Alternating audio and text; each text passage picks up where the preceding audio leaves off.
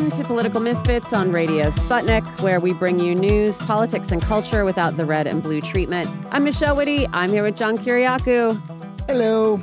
Got a question for you, John. Yes, ma'am. What are you most excited about for today? Is it highways collapsing? Is it uh, cancer drug shortages? Is it losing a war with China? Or is it uh, the many, many indictments against our former president? Yeah, What- you know what's what? really like getting you going today? Today is one of those days where, like you, I get up early and I uh, dive into the news. Mhm. And it's one of those days where there's just no good news. There's really not a lot. No? Yeah. No. It's depressing. Uh, it's pretty it's pretty grim. Um yeah, I have to say, and we're going to talk about this uh, pretty quickly, but uh, the DOJ reaching into its very special toolbox to really go after Donald Trump, Yeah. making someone as obviously criminal and Yeah. personally vile as Donald Trump look like a victim is really a pretty special accomplishment. So we will we will get into that. I feel strongly about this whole Trump situation. Like you, I am not a fan of Donald Trump. I've never been a fan of Donald Trump, but this is really not the way to go, Yeah. in, in my estimation. Uh, we are also going to talk in the show about what's going on in Ukraine. Uh, we will talk about Cuba, China, and the listening post. Uh, we've got these new Mhm. reports about the origins of COVID 19. So, sort of interestingly, we have this uh, report in Politico magazine about how the Pentagon is freaking out over war with China because the U.S. might very well lose such a war Mhm. and at least it would be very costly. And then at the same time, we have more of the sort of drip, drip, drip, drip, drip of stories about how China's our existential enemy, and we have to uh, we have to go to war with them, even if we're going to lose, and it's going to be really terrible. So yeah, there is Mhm. a there is a lot to get into today. I also um.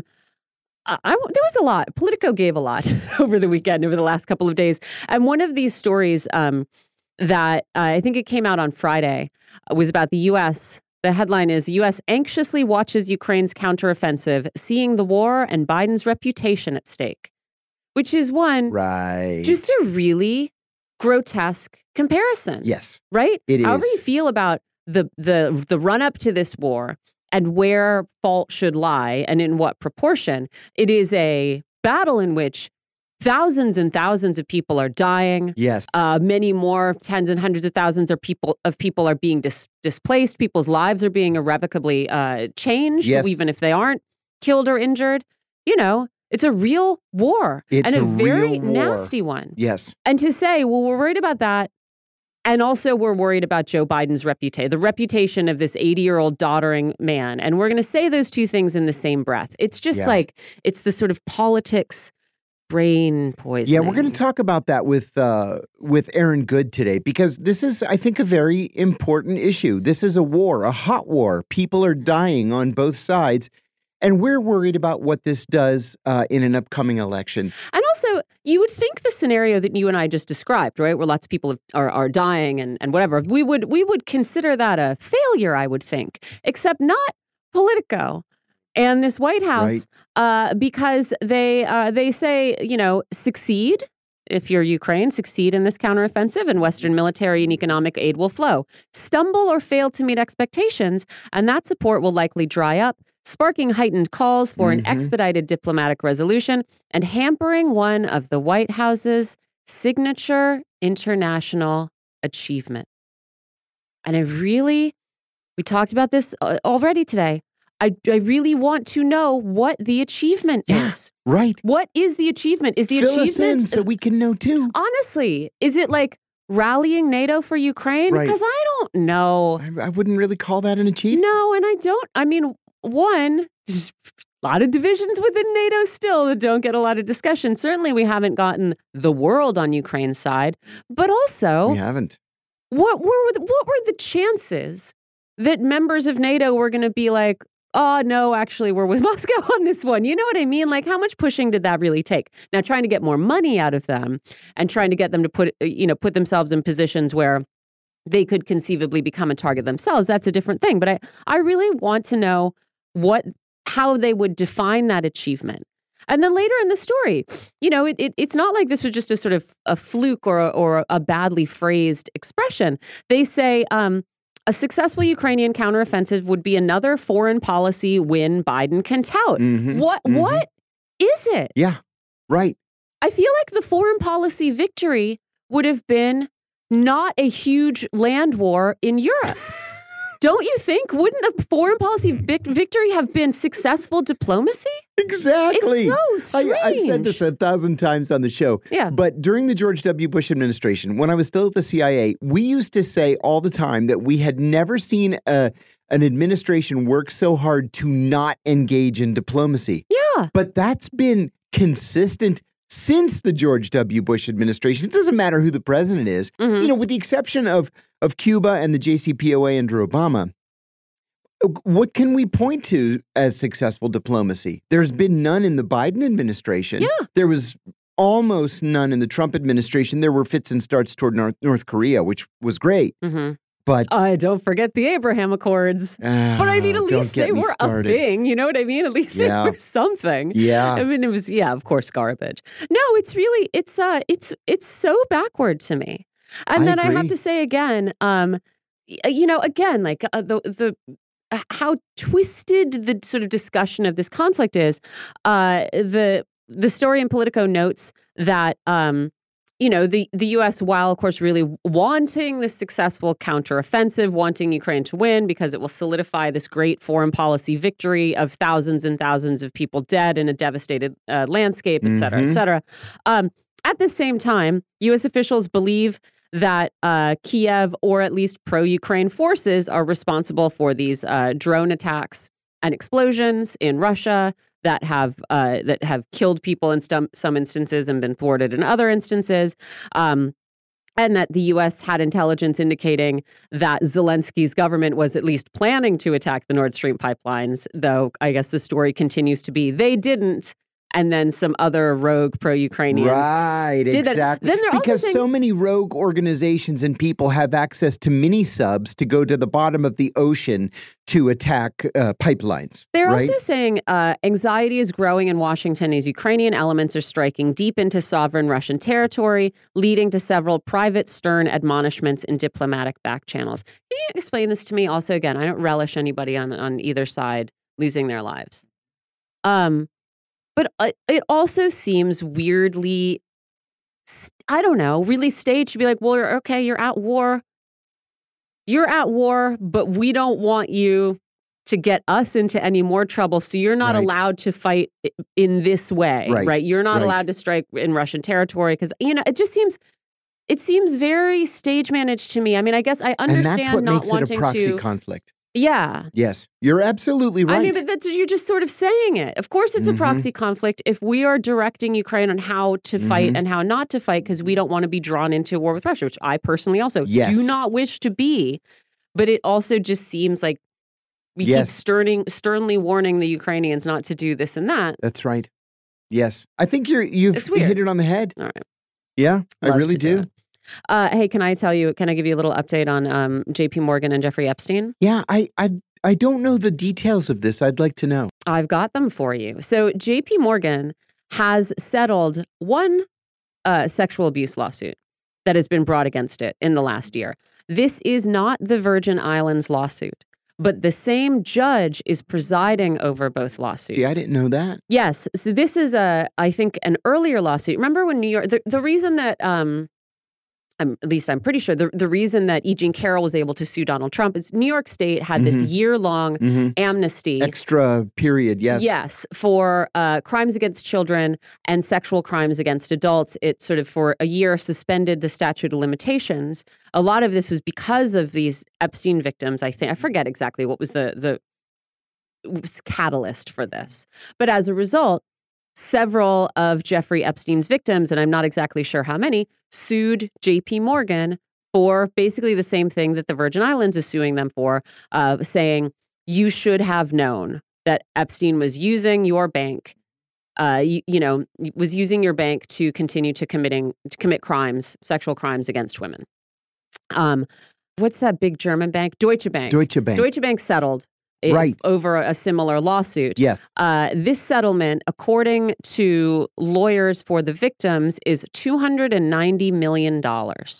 So they are accusing JP Morgan of enabling this sex trafficking operation by allowing uh, Epstein to withdraw massive amounts of cash over a 15 year period, including after his crimes were widely known, which is something that we have discussed a whole lot of the time. So it makes the Virgin Islands lawsuit uh, look a lot more interesting, uh, especially since JP Morgan Chase is also countersuing them, which Mhm. threatens to bring all these Virgin Island officials sort of out That's and right. their interactions with Jeffrey Epstein into the public. Because I think in that one, really nobody's hands are clean, Yes, right? Everybody, agreed. I think there's a lot of questions to be answered by the government of the Virgin Islands. But I mean, it is very clear to me that uh, people at JP Morgan knew what was going on.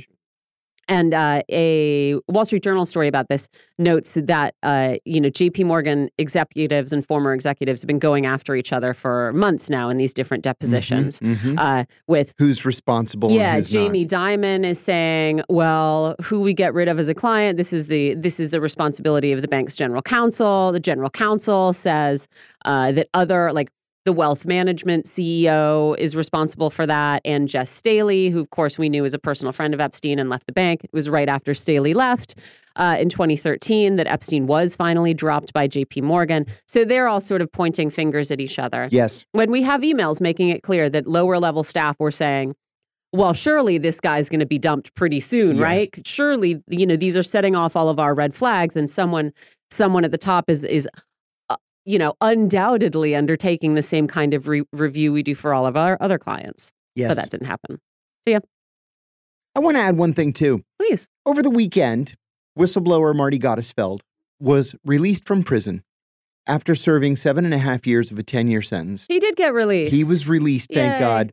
Um, he was kept a month longer than he was supposed to have been kept with no explanation whatsoever other than they couldn't figure out how to get him from the communications management unit at Terre Haute, Indiana to his home in Boston. So they ended up doing what they do for literally every other prisoner in the entire U.S. federal prison system. They bought him a bus ticket. wow, So they needed an that out. extra month to figure that out. wow. And what's the first thing that Marty did when he got home? And this is the kind of person Marty is. Marty had let his hair grow for the last three years. And the very first thing he did on his first full day of freedom did you donate it? was to donate it to Locks of Love so Locks it could be Love's- it could be made into a wig for a, a childhood cancer victim. Yeah. That's the kind of person Marty Gottesfeld is. Yeah. You know, his his wife put a, a post on Facebook yesterday on the free Marty G page saying it was a great picture, Marty. He's put on some weight. He looks really great. And she said, um, if you are a- current or former prisoner, please don't comment on the page because they're looking for a reason to violate him. They specifically told him he can't have any contact with anybody who's ever been convicted of a crime, which is BS, let me tell you. And they just don't want to take the chance that somebody's going to say, Welcome home, Marty. And then the Bureau of Prisons will say, Hey, that guy's been in prison before." Does this include you? So Man. I, I had said, Welcome home, Marty, before I read the post, and then I deleted it. Boy, Yeah. God, I didn't want to get him in trouble. I happened this weekend to, uh, you know, spare a couple thoughts for Daniel Hale and just how Oh, outrageous it is Hale. that he's in a communications management unit. What a, what, I mean, Nonsense. uh, What, a the- crock. I honestly, how does this not fit the definition of, of uh, you know, at the very least, Yeah. political persecution, At right? least. And if you're going to say, you're going to argue that he should be in prison, surely this is not somebody who de- de- deserves to be in a communications management unit. Come on. No. No, the communications management units are made for the most dangerous prisoners in the entire system. We're talking about the last surviving member of the Abu Nidal organization, or John Gotti, who died in a communications management unit, or the leaders of the Aryan Brotherhood. Sure. Yeah. And now you put uh, Daniel Hale, Yeah. who blew the whistle on the drone program. Who, who, because you w- went around uh, whistleblowing protocols. Very Yeah. dangerous. yeah, very dangerous. to take these documents to a reporter. Good God. Uh, also, if you wanted a little, do you want a little chuckle? We might talk a little more about this later. Uh, uh, George Soros's younger son is Yeah. going to uh, take over his empire. Alex. Alex. And he says he's way more political than his father is. but you know, he'd love to get money out of politics, John. He says, as much as I would love to get money out of politics, as long as the other side is doing it, we'll have to do it too, which of course is always the argument. But yeah, what a- beautiful moment for, for democracy and democratic traditions. Yes, and I was disappointed to see that they only have $25 billion to spend Man. in the Soros Family Foundation. Well, gosh, I mean, what they're going to need that against, uh, you know, a couple of Russian memes in the next election. That's right. And he said also that he's going to devote most of the spending to issues of um, uh, voting rights and abortion rights. I mean, great, right? Like, Yeah. as we do have money in politics, I don't Mhm. oppose, you know, yeah, all for it. fund abortion rights stuff. Terrific. Sure. Thank you. Don't tell me you want to get money out of politics, though. Come on. All right. I know we have our first guest. I read it. I know we have our first guest on the line. You want to just go Oh, straight into terrific. it, John? Yeah, I didn't realize a we, had our first to. guest. Well, that's great. Well, Mm. at around the close of the show on Friday, the Justice Department announced that it was indicting former President Donald Trump on 37 separate felony charges. Uh, we didn't know how many felonies they were going to charge at the time. We had read that there was, you know, this speculation that it would be seven charges. It was 37 charges, 31 of them under the Espionage Act. This move is unprecedented in American history. No president, of course, current or former, had ever been charged with a felony before, but the charges raise far more questions than they answer. The details of the indictment are damning, right? It- they're one sided, mm. but in that one side, they're damning. And it's clear that every one of Trump's attorneys, I'm sorry, I shouldn't say everyone, even one mm. of Trump's attorneys testified against him in the grand jury. So, how does this end up?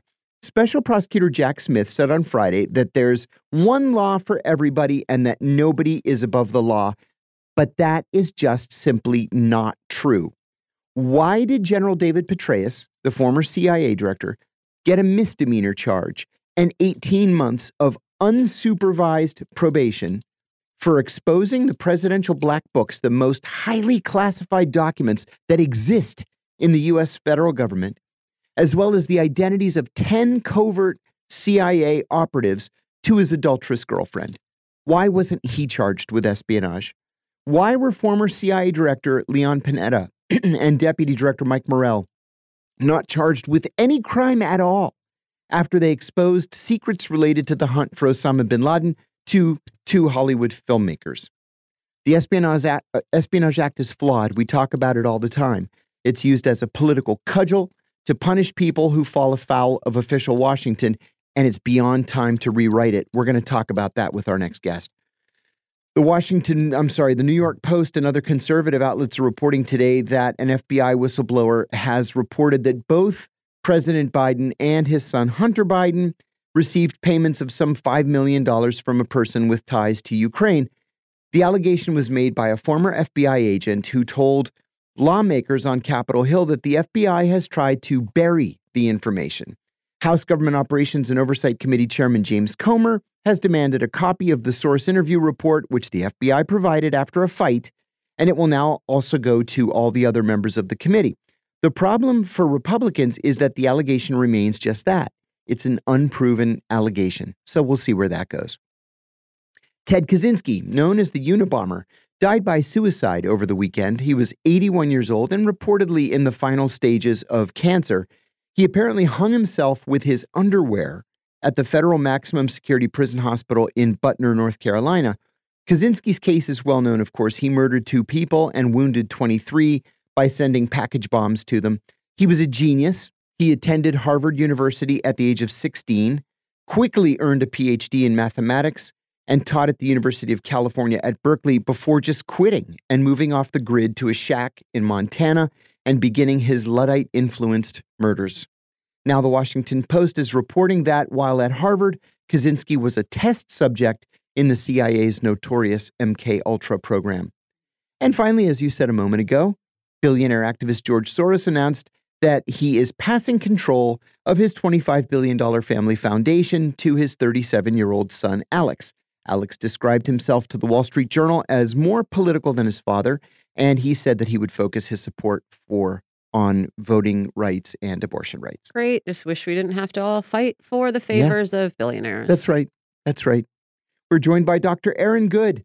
Aaron is a political scientist and host of the American Exception podcast on Patreon. He's also the author of the book American Exception Empire and the Deep State. Aaron, great to have you back. Thanks so much for joining us. Hey, thanks for having me back on. We're glad to have you, always. Let's start with Donald Trump and the Espionage Act. I think I just didn't sleep enough last night, so I'm in a bad mood this morning. But uh, I think we all expected an indictment last Friday. By the uh, middle of the afternoon, that indictment had come, but I don't think anybody expected a 37 count indictment with 31 separate charges of espionage. I feel pretty strongly about this. I'm not a Trump fan, but this is not what espionage is. It's not hard to trace a line from the writing of the Espionage Act in 1917 through its use against whistleblowers and then to Donald Trump. So, first, give us your thoughts on Trump's actions related to these documents. And second, in your view, do they rise to the level of espionage? Well, they as as far as what's been publicly revealed, I, I don't know that there's any plausible case for espionage. If you followed it more closely than me, and they actually have uh, come up with some sort of nefarious a- actions that he took to exploit his access to these classified documents, that would be a different story. I mean, if he's selling nuclear secrets to uh, Pakistan or something like that, that that would be a you know that would be a problem. But I yeah. don't think that's really what it is. I think to everybody most people watching who are not, you know, blind drones of uh, MSNBC are going to see that this is kind of a political warfare.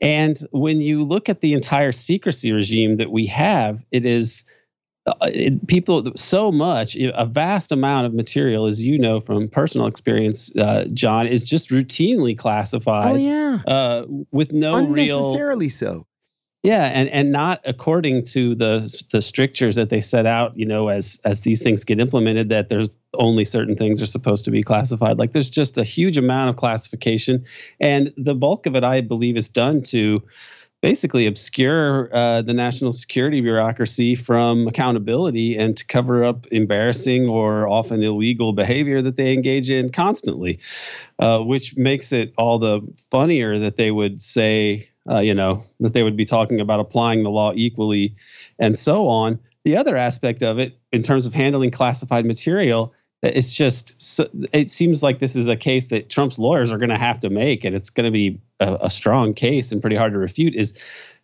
uh, officials leak classified material all the time Every for political day.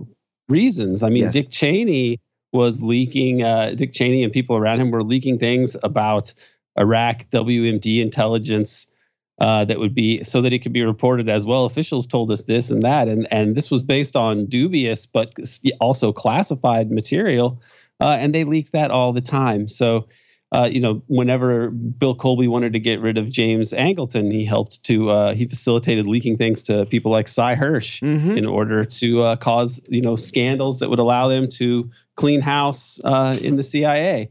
So it, the I, going after the president, a former president, for handling classified material, it just shows you how undemocratic this whole s- national security secrecy regime is. Because the president is an elected official, and if he himself is not to be trusted with this this material, then like who is who who is it that outranks him? What kind of regime do we live under? That's right. I have to take exception too with something that Jack Smith said on Friday. He said that that there is one law for everybody and that nobody is above the law. The reality is that lots and lots of people are above the law in Washington. We can name some of them right here if we want. Is do you think that's a defense for Trump? Can Trump legitimately point to people like David Petraeus and say, "Look what Petraeus did, and he got off. Look what what uh, Mike Morell did. Look what Leon Panetta did."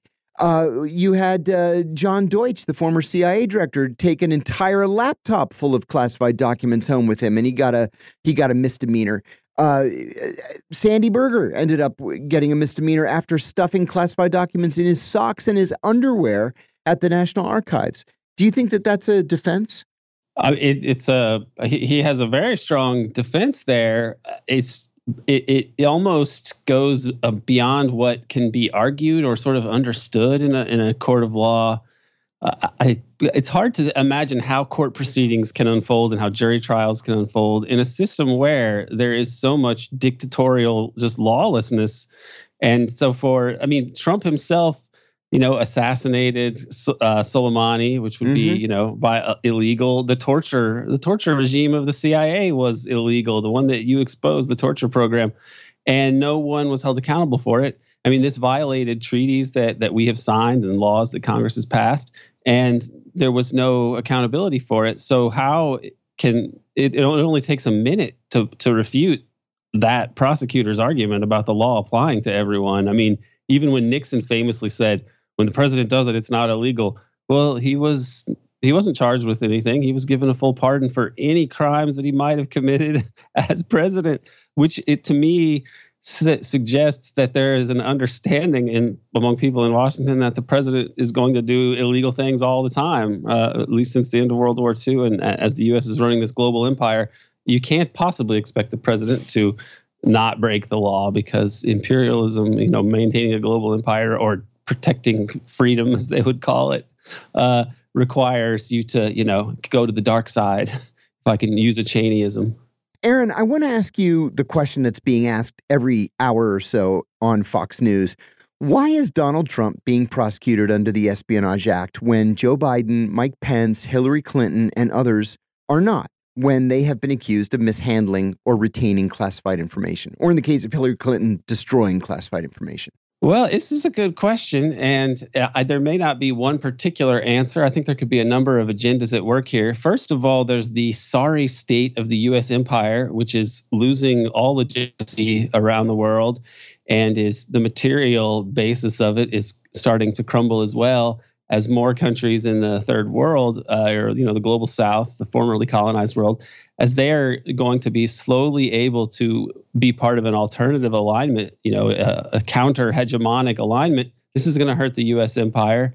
And uh, additionally, I mean, so so Trump would just accelerate this process because he's such a, cl- a, clownish figure that he makes the U.S. look bad. On top of that, he has some kind of instincts that are against long wars and so on. Like I, I actually think there's a very plausible case to make that we would not have had the Ukraine war if he had been uh, if he had won re-election or if there hadn't been any russiagate hoax that forced him to you know pretty much take a harder line against russia. I'm not saying he's dovish or that he's any kind of committed anti-imperialist or that he really has any coherent ideology uh, about politics that is could be called good in any way but he did seem to ha- to be instinctually against and rhetorically against uh, forever wars.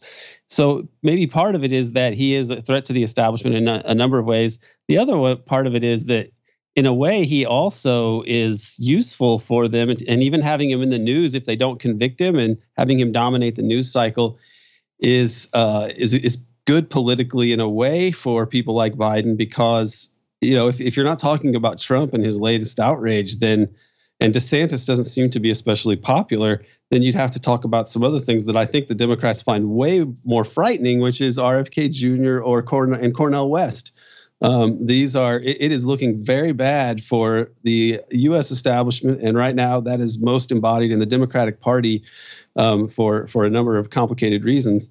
But uh, it's it's just it, the fact that they're doing this. I think it definitely points to desperation in the establishment. I would agree. Turning to the FBI, I would love to get your opinion on the spate of so called whistleblowers alleging bribery and other wrongdoing on the part of Hunter Biden and Joe Biden. We keep hearing about these bribes. Last week it was a million, then two million. Today it's five million. But we've not seen any proof. This all stems from an unverified source report from the FBI. What do you make of all this? Uh, I, I, I could believe just about anything. On one level, you would think that like as much sort of corruption as there is, and as easy as it is to get rich if you're a, a public official without having to break the laws because the laws are so you know uh, lax and laxly enforced.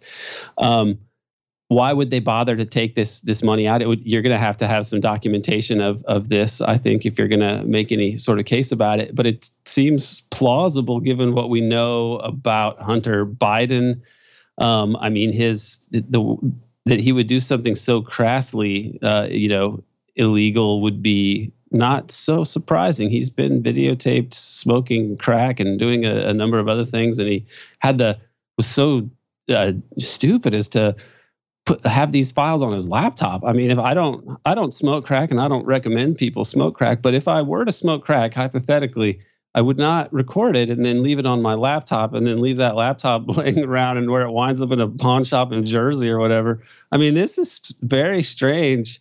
Uh, we've got the dad uh, is senile and he's the leader of the free world, sitting on. I mean, he seems senile or at least at least suffering some kind of decline. Let's just say, and he's sitting on the world's biggest nuclear arsenal, uh, and his son is out there, uh, you know, apparently taking bribes, or at the very least, to having a job that he was not qualified for, which is a, a de facto bribe, and smoking crack and uh, impregnating um, you know, local strippers. This is uh, we've come to a very strange place in the American experiment. It is strange. We have a copy here of the it's a printed copy of the Hunter Biden laptop, and to say that it's shocking uh, it's is so an ugly. understatement. It's so ugly. It's yeah.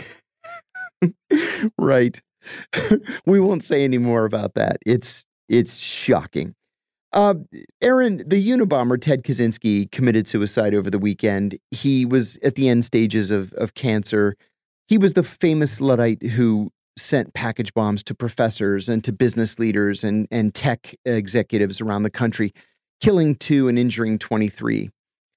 Truly a killer who's uh, probably of the most sympathies with his positions Well, than yeah, of any. it- You know, all the other serial killers are like these that. teenagers are having too much fun. You know, It- like it's important that you say I that mean- because just in the last 10 years he developed a following of supporters unlike anything that he ever had you know at the time that this was was happening Mhm. and frankly a lot of what he said in his famous 30,000 word manifesto about tech taking over our lives has actually come to pass yeah, I mean, no support for mail bombers. no no no no no we're And not saying I'm that not we saying should be out there blowing up yeah exactly but Kaczynski was utterly unapologetic about what he did. And like I said, he's been increasingly popular in recent years, responding, according to the Bureau of Prisons, responding to thousands of letters from people complaining to him about the increased role of computers and tech and artificial intelligence in daily life. Okay.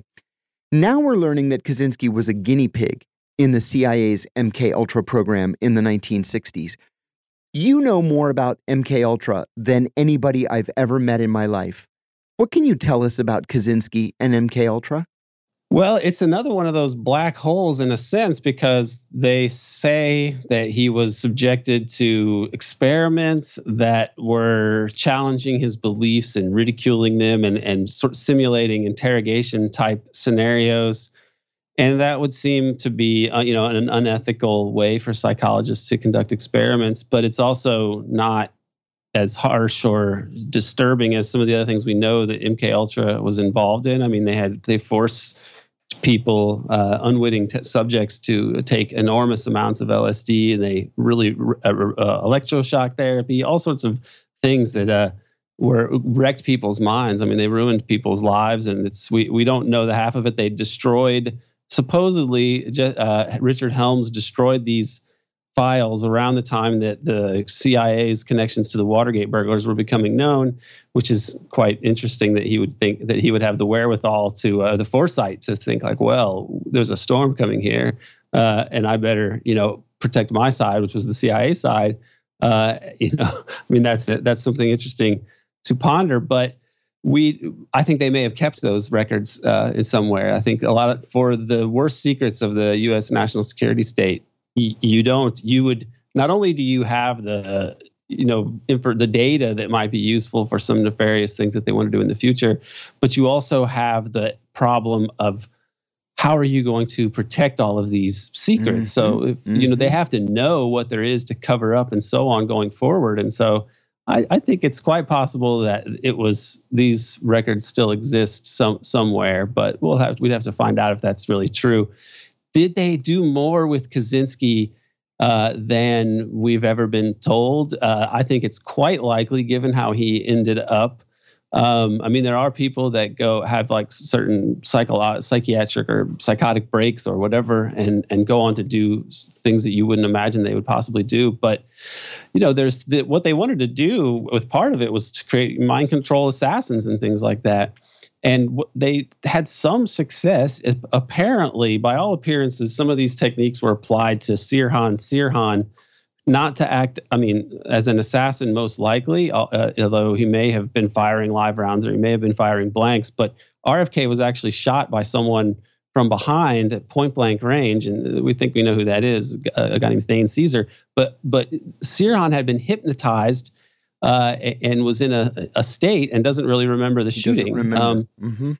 so was so could something like that have been you know could ted kaczynski be one of those people who's really prone to hypnosis and they did something like that to him down the road or was he did it create a reaction in him that he became even more strident in his political views as a result of this interrogation we'll probably never really know the answer to that the the more disturbing but not totally con- uh, plausible uh, completely or, or not totally convincing idea would be was this guy set up to be you know kind of um to, for a gladio type of thing? Like if you have this guy out there then you're discrediting his his positions and you're you're encouraging more law enforcement you know powers to be taken and so on uh, but i don't really think that that's the case that seems less likely to me but you know, you'd have to wonder, given the things that they do, I don't put anything past them. Or was he somebody who ended up going way further than they ever thought, and then they became a problem? Right.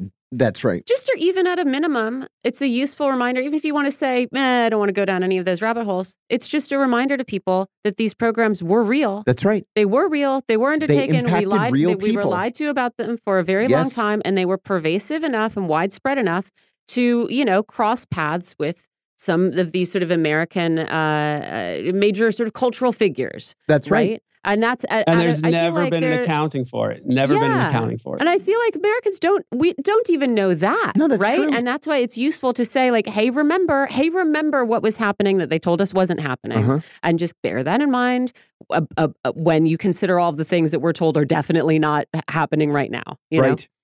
Uh, do we know anything specifically about what uh, what role uh, Kaczynski had an MK Ultra? And what I mean is, this professor at Harvard was um, under contract to the CIA, and he was the one carrying out the experiments at Harvard when Kaczynski was there.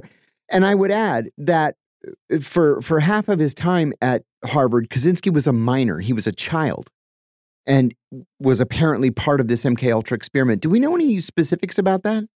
Uh, only that all that I know is that he they they what they have put out that I have come across is that he was he he was worked on by this guy at Harvard uh, who I saw him as a, a prodigy, I guess, or I mean, he would have been an inch to have take somebody like this and make them a candidate for MK Ultra is pretty is pretty drastic because he's a a really brilliant person and uh, has an a huge overachiever at Harvard at 16, getting his PhD in math.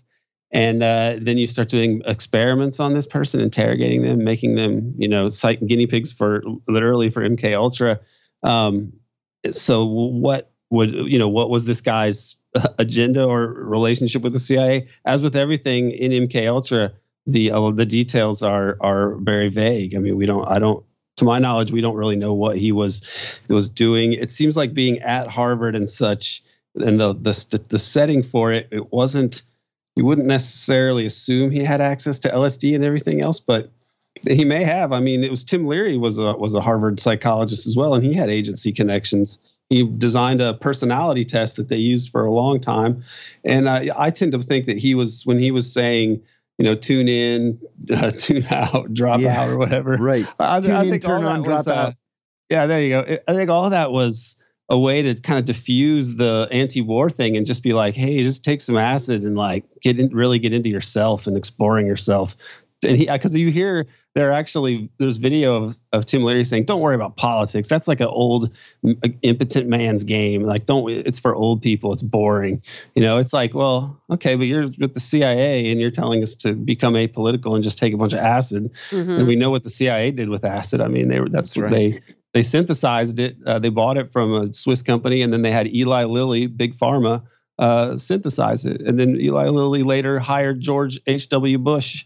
Uh, after the 70s uh, scandals under, under uh, Gerald Ford. So uh, it's all a, a disturbing web of uh, you know corporate and and state national security state uh, malfeasance and, and criminality. I want to thank Dr. Aaron Good for joining us. He is a political scientist and host of the American Exception podcast on Patreon. He's also the author of the book American Exception Empire and the Deep State. And I know we have our next guest on the line. There's no reason to go to a No. to a break. We've got China, we've got Cuba, we've got uh, very quietly U.S. troops, including special forces, arriving in Peru.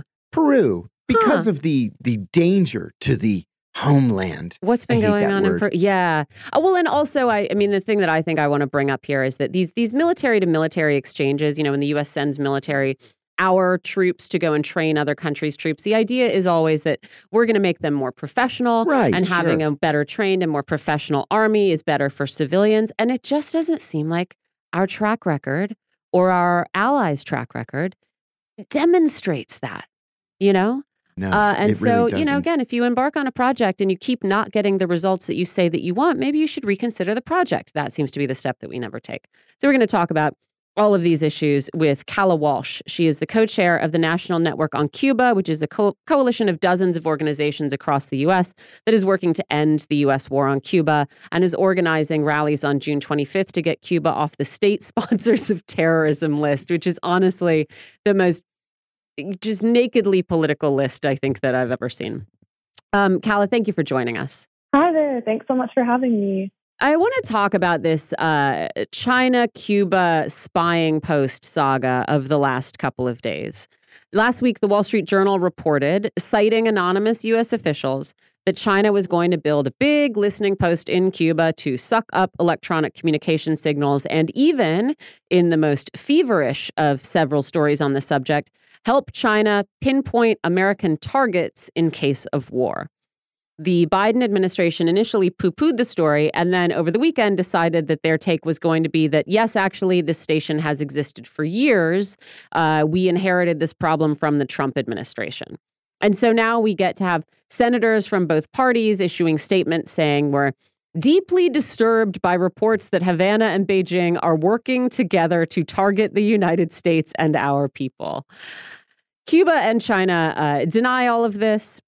It, of course, it bears mentioning that the United States is known to be listening to everyone all the time. How many world leaders' phones have we been caught bugging in the last 10 years? Uh, and so I just wanted to ask to start what you make of how this story has evolved and, and what do you think just regular American newspaper readers should take from it? Yeah, well, I think American readers need to remember who our real enemy is. We've already lived through the first Cold War against the Soviet Union, which brought us to the brink of nuclear apocalypse during the Cuban Missile Crisis. And it could not be more clear that the US is doing the same thing to China and Russia. This is Cold War 2.0. And for Cuba, which has endured a cruel, illegal blockade for over six decades, the Cold War has never really ended. So there is no Chinese spy base or military base in Cuba. Cuba is a signatory of the Declaration of Latin American uh, Latin America and the Caribbean as a zone of peace, and as such, they reject any foreign military presence in Latin America and the Caribbean. Um, and as Cuba's Vice Foreign Minister Carlos de Cossío said um, in response to this Wall Street Journal report, um, that includes a rejection of the numerous bases and military personnel of the U.S., especially um, in the illegal occupation of Guantanamo.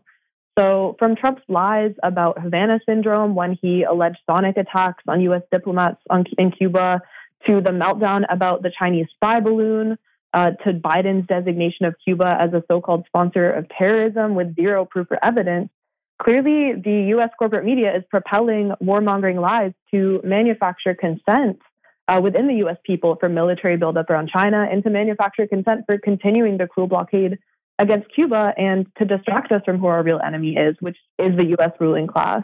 It is such a deep perversion of the idea of who is targeting who, right? To suggest that China and Cuba are, are targeting the United States. I mean, China is definitely a geopolitical rival. Sure, absolutely. But which country's boats have been sailing in which country's waters now for a very, very long time. You know, we, we keep getting these stories of uh, Chinese pilots and Chinese ships behaving aggressively to the United States, you know, and then you realize this, these are in Chinese waters, right? This is near Chinese airspace. Again, the idea that Cuba, the very small island of Cuba that we have had a blockade against for decades now, is targeting the US is so you you would think it, it should be a joke. And I wanted to just ask if you wanted to elaborate a little bit on this, you know, this idea that it is the United States that is always being targeted by enemies, when in fact, uh, really it seems to be the United States that is sending its ships out to blockade or patrol the world and then get mad when anybody objects. Yeah, absolutely. I have a few things to say in response to that. You know, first of all, the US is the only country that has 800 foreign military bases and a bigger military budget than 144 other countries combined. China has a single overseas military base in Djibouti, and the US spies on the entire world, even its own allies. So, why are we talking about a fake Chinese spy base in Cuba instead of the illegal US occupation of Cuba's territory at Guantanamo Bay, which has gone on for 125 years? And, you know, the idea that China and Cuba are targeting the US couldn't be further from the truth. The US is a country that's targeting others through sanctions, through military aggression, through covert destabilization programs. And the US has been undermining Latin America's sovereignty for hundreds of years, not China. So, what China and Cuba have is a trade relationship, a political relationship. It's based on solidarity, cooperation, mutual respect for each other's sovereignty. And of course, the US is scared of this because China is also helping alleviate some of the effects of the cruel blockade on Cuba.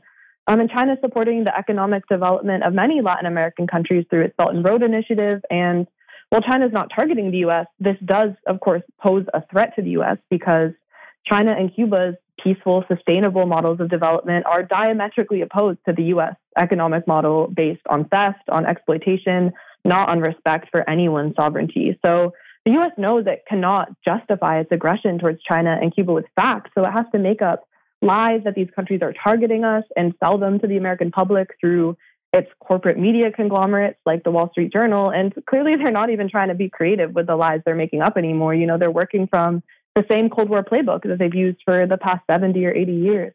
Yeah, it really requires it requires you to forget history so fast. Seriously. I mean, really, like you're supposed to forget things that happened 10 years ago. It's astonishing. I also want to ask about uh, this state sponsor of terror list and Cuba's place on it. Uh, the Trump administration relisted Cuba as a state sponsor of terror in 2021 uh, for allegedly, I mean, the ostensible reason for relisting them was harboring American fugi- fugitives and refusing to extradite members of the ELN, which is a Colombian militant group. Uh, Colombia the government, that government of Colombia, wanted them uh, extradited. Cuba said doing so would violate established protocols as a guarantor of the peace talks that were underway between the ELN and the Colombian government. Uh, Norway, which is another guarantor of those peace talks, uh, agreed with that position, but you know it didn't help Cuba escape the state sponsor of terror list. Um, these talks have just led, just over the weekend, uh, to a six month ceasefire as the government of Colombia under Gustavo Petro continues to try, you know, uh, by all accounts, and uh, you know, according to what I can see, to really try to achieve a real peace in Colombia. And so I wanted to ask, you know, one about this obvious fig leaf, right, of the ELN. Uh, as a reason to put Cuba on the state sponsor of terror list, and also to ask more generally, you know, what what this list really functions as. Yeah, absolutely. So, you know, it doesn't make sense at all. Like, how could Cuba's leadership in this peace process be used as justification for listing Cuba as a state sponsor of terrorism? And now the Colombian government under Petro has repeatedly called for Biden to lift the blockade and take Cuba off the state sponsors of terrorism list. And it's important to note, too, that Cuba is not a terrorist state, and the U.S. is the biggest state sponsor of terrorism in the world and has a long history of backing terrorism, biowarfare, plane, hotel bombings against Cuba, but the word terrorist is never used against the US, only US enemies. And it's really telling that whenever the Biden administration has been asked about Cuba's SSOT designation, they shy away from providing any actual proof or evidence of Cuba supporting terrorism in any way. They just say like vague platitudes about the regime and repression, but there's no real evidence. Um, so that's why my organization, the, the National Network on Cuba, is organizing uh, some big rallies on June 25th to call for an end to Cuba's state sponsored terrorism designation, an end to U.S. economic terrorism against Cuba, and to lift all U.S. sanctions. Um, and there's other countries on this list too Syria, um, North Korea, Iran. And sadly, because of just the immense power that the U.S. has over the global financial system, even though this list is only maintained by the U.S., it has really extreme impacts um, economically on these countries in terms of their ability to participate in international trade, get loans, develop their infrastructure, um, and especially for Cuba, combined with the blockade, it's, it's causing awful effects on the Cuban people who the Biden administration claims to support. Yeah, it's very convenient how the effects of your own embargo create misery, and then you can say, "Oh, look, see how that government creates misery for its people." You're yeah, exactly right. you think it would be a little bit easier to uh, to put this in that kind of context for people to see through it, but propaganda is a beast. Let's talk also for a, a minute about Peru. Um, you know, we have been following this story uh, out of Peru over the last six months. Uh, President Pedro Castillo, back in December, was um, arrested after he attempted to dissolve Congress and call for new elections. Uh, his vice president, Dina Boluarte, has been acting as president since then. And of course, the country has experienced months of very, very serious protest, a lot of indigenous led protests because of course, Castillo was seen as a sort of representative of indigenous people in Peru and a lot of very violent repression of those protests. Uh, so now, U.S. military personnel later this month are going to begin arriving in Peru with weapons and equipment for what is being billed as a training and advisory mission that could last as long as seven months. These personnel will include Army, Navy, and Air Force troops, as well as special operators. And the U.S. Southern Command has appointed a Peruvian general as the Deputy Commanding General Interoperability. Um, there will also uh, these special forces troops will be there to uh, conduct joint special operations. Well, to prepare Peru's intelligence command for joint special operations and to integrate command interoperability and disaster response training, in addition to medical exchanges, training, and aid and construction projects. Um, as I was saying to John at the start of uh, this segment, you know, the United States, the UK, a lot of our Western allies, we do a lot of this sort of joint military training, joint military programs. We get together, we go to other countries, and we say, hey, look, uh, we've got this great, well trained, very professional army, and we're going to show your army how to be better trained and more professional. And that is going to help you not commit human rights uh, violations and uh, not murder civilians and, and generally, you know, make your armor army uh, kinder and gentler. And I just wanted to ask if you have any uh, thoughts as to the actual track record of these programs, because I think really you only have to look to Colombia, uh, to look to the history of the UK in Sri Lanka to have some real questions as to whether this kind of training and these kind of joint programs really do any good for the, the people of those countries. Yeah, well, our track record certainly is not great. And in fact, they are training these forces on how to commit human rights violations, not to protect human rights. Um, you know, this year is the 200th anniversary of the Monroe Doctrine, which is really the ideological basis for U.S. hegemony and intervention in Latin America. And Peru is no exception. It's been clear from the beginning that the U.S. played a role in, overstro- in overthrowing Pedro Castillo's government, installing a violent right wing coup regime under Boluarte that would sell out to U.S. economic and geopolitical interests, especially the interests of U.S. mining companies, which want access to Peru's precious metals and minerals. And you know, in terms of the timing, I think the the U.S. empire is is clearly entering decline and trying to cling onto its hegemony as more and more Latin American countries, from Cuba to Venezuela, Nicaragua, Colombia, are rejecting U.S. imperialism and turning uh, to China for partnership and economic development.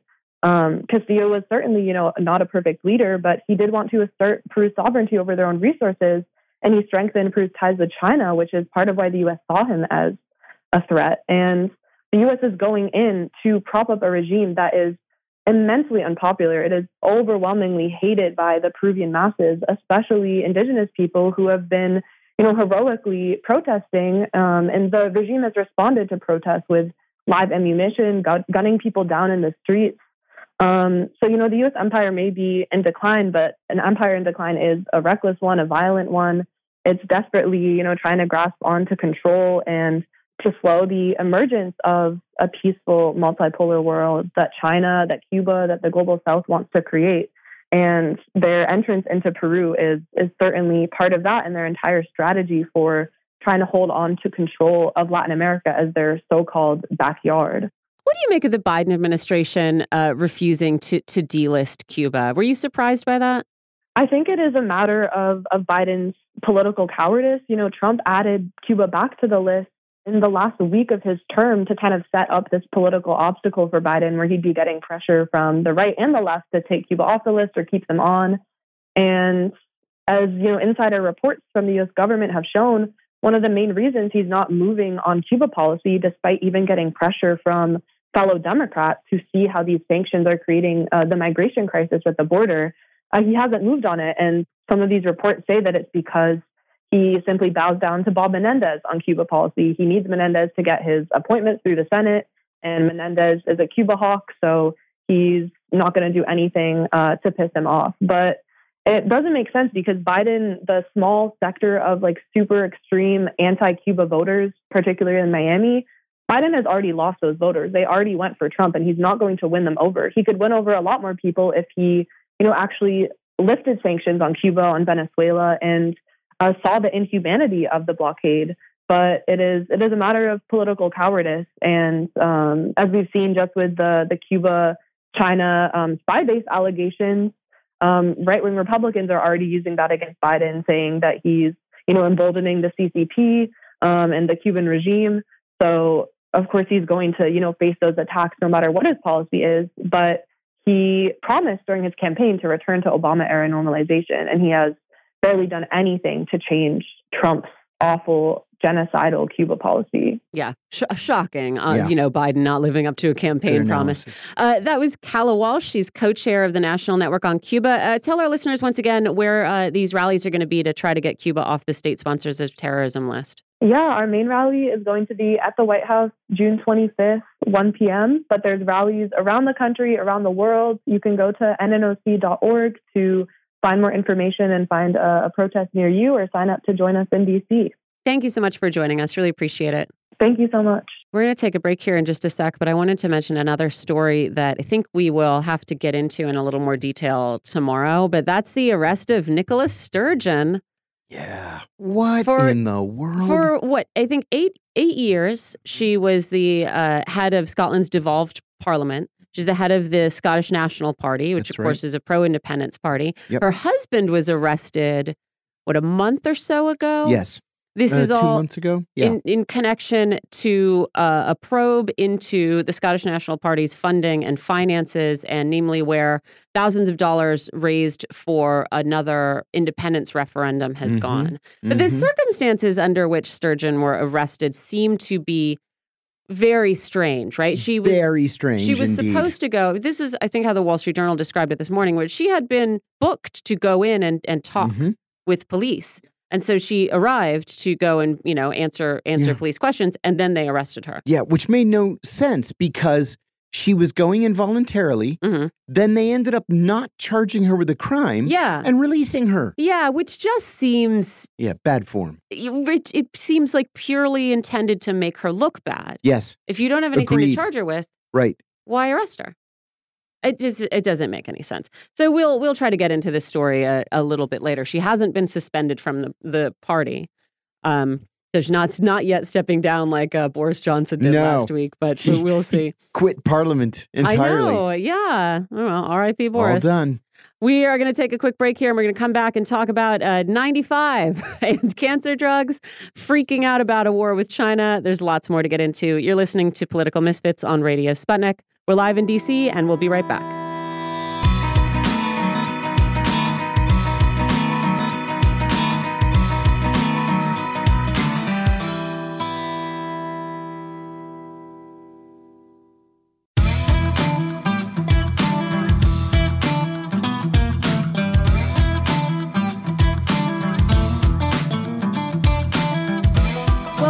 To Political Misfits on Radio Sputnik, where we bring you news, politics, and culture without the red and blue treatment. I'm Michelle Witte. I am here with John Kiriakou, and just wanted to stop and take the pulse of America on this beautiful Monday morning. I wrote down that the skies are blue, and then producer Ben, always a buzzkill, was like, Well, they're not really blue today, are they? But they were blue over the weekend, Ben. So give me a break. They were blue after uh, being obscured by smoke last week. So that's some good news. Uh, we also have cancer doctors in the United States rationing the use of chemotherapy drugs because we have shortages. Not because we are running low on key ingredients or anything, just because these particular drugs aren't very profitable to sell and we're all relying on just a handful of foreign plants to make them. Great.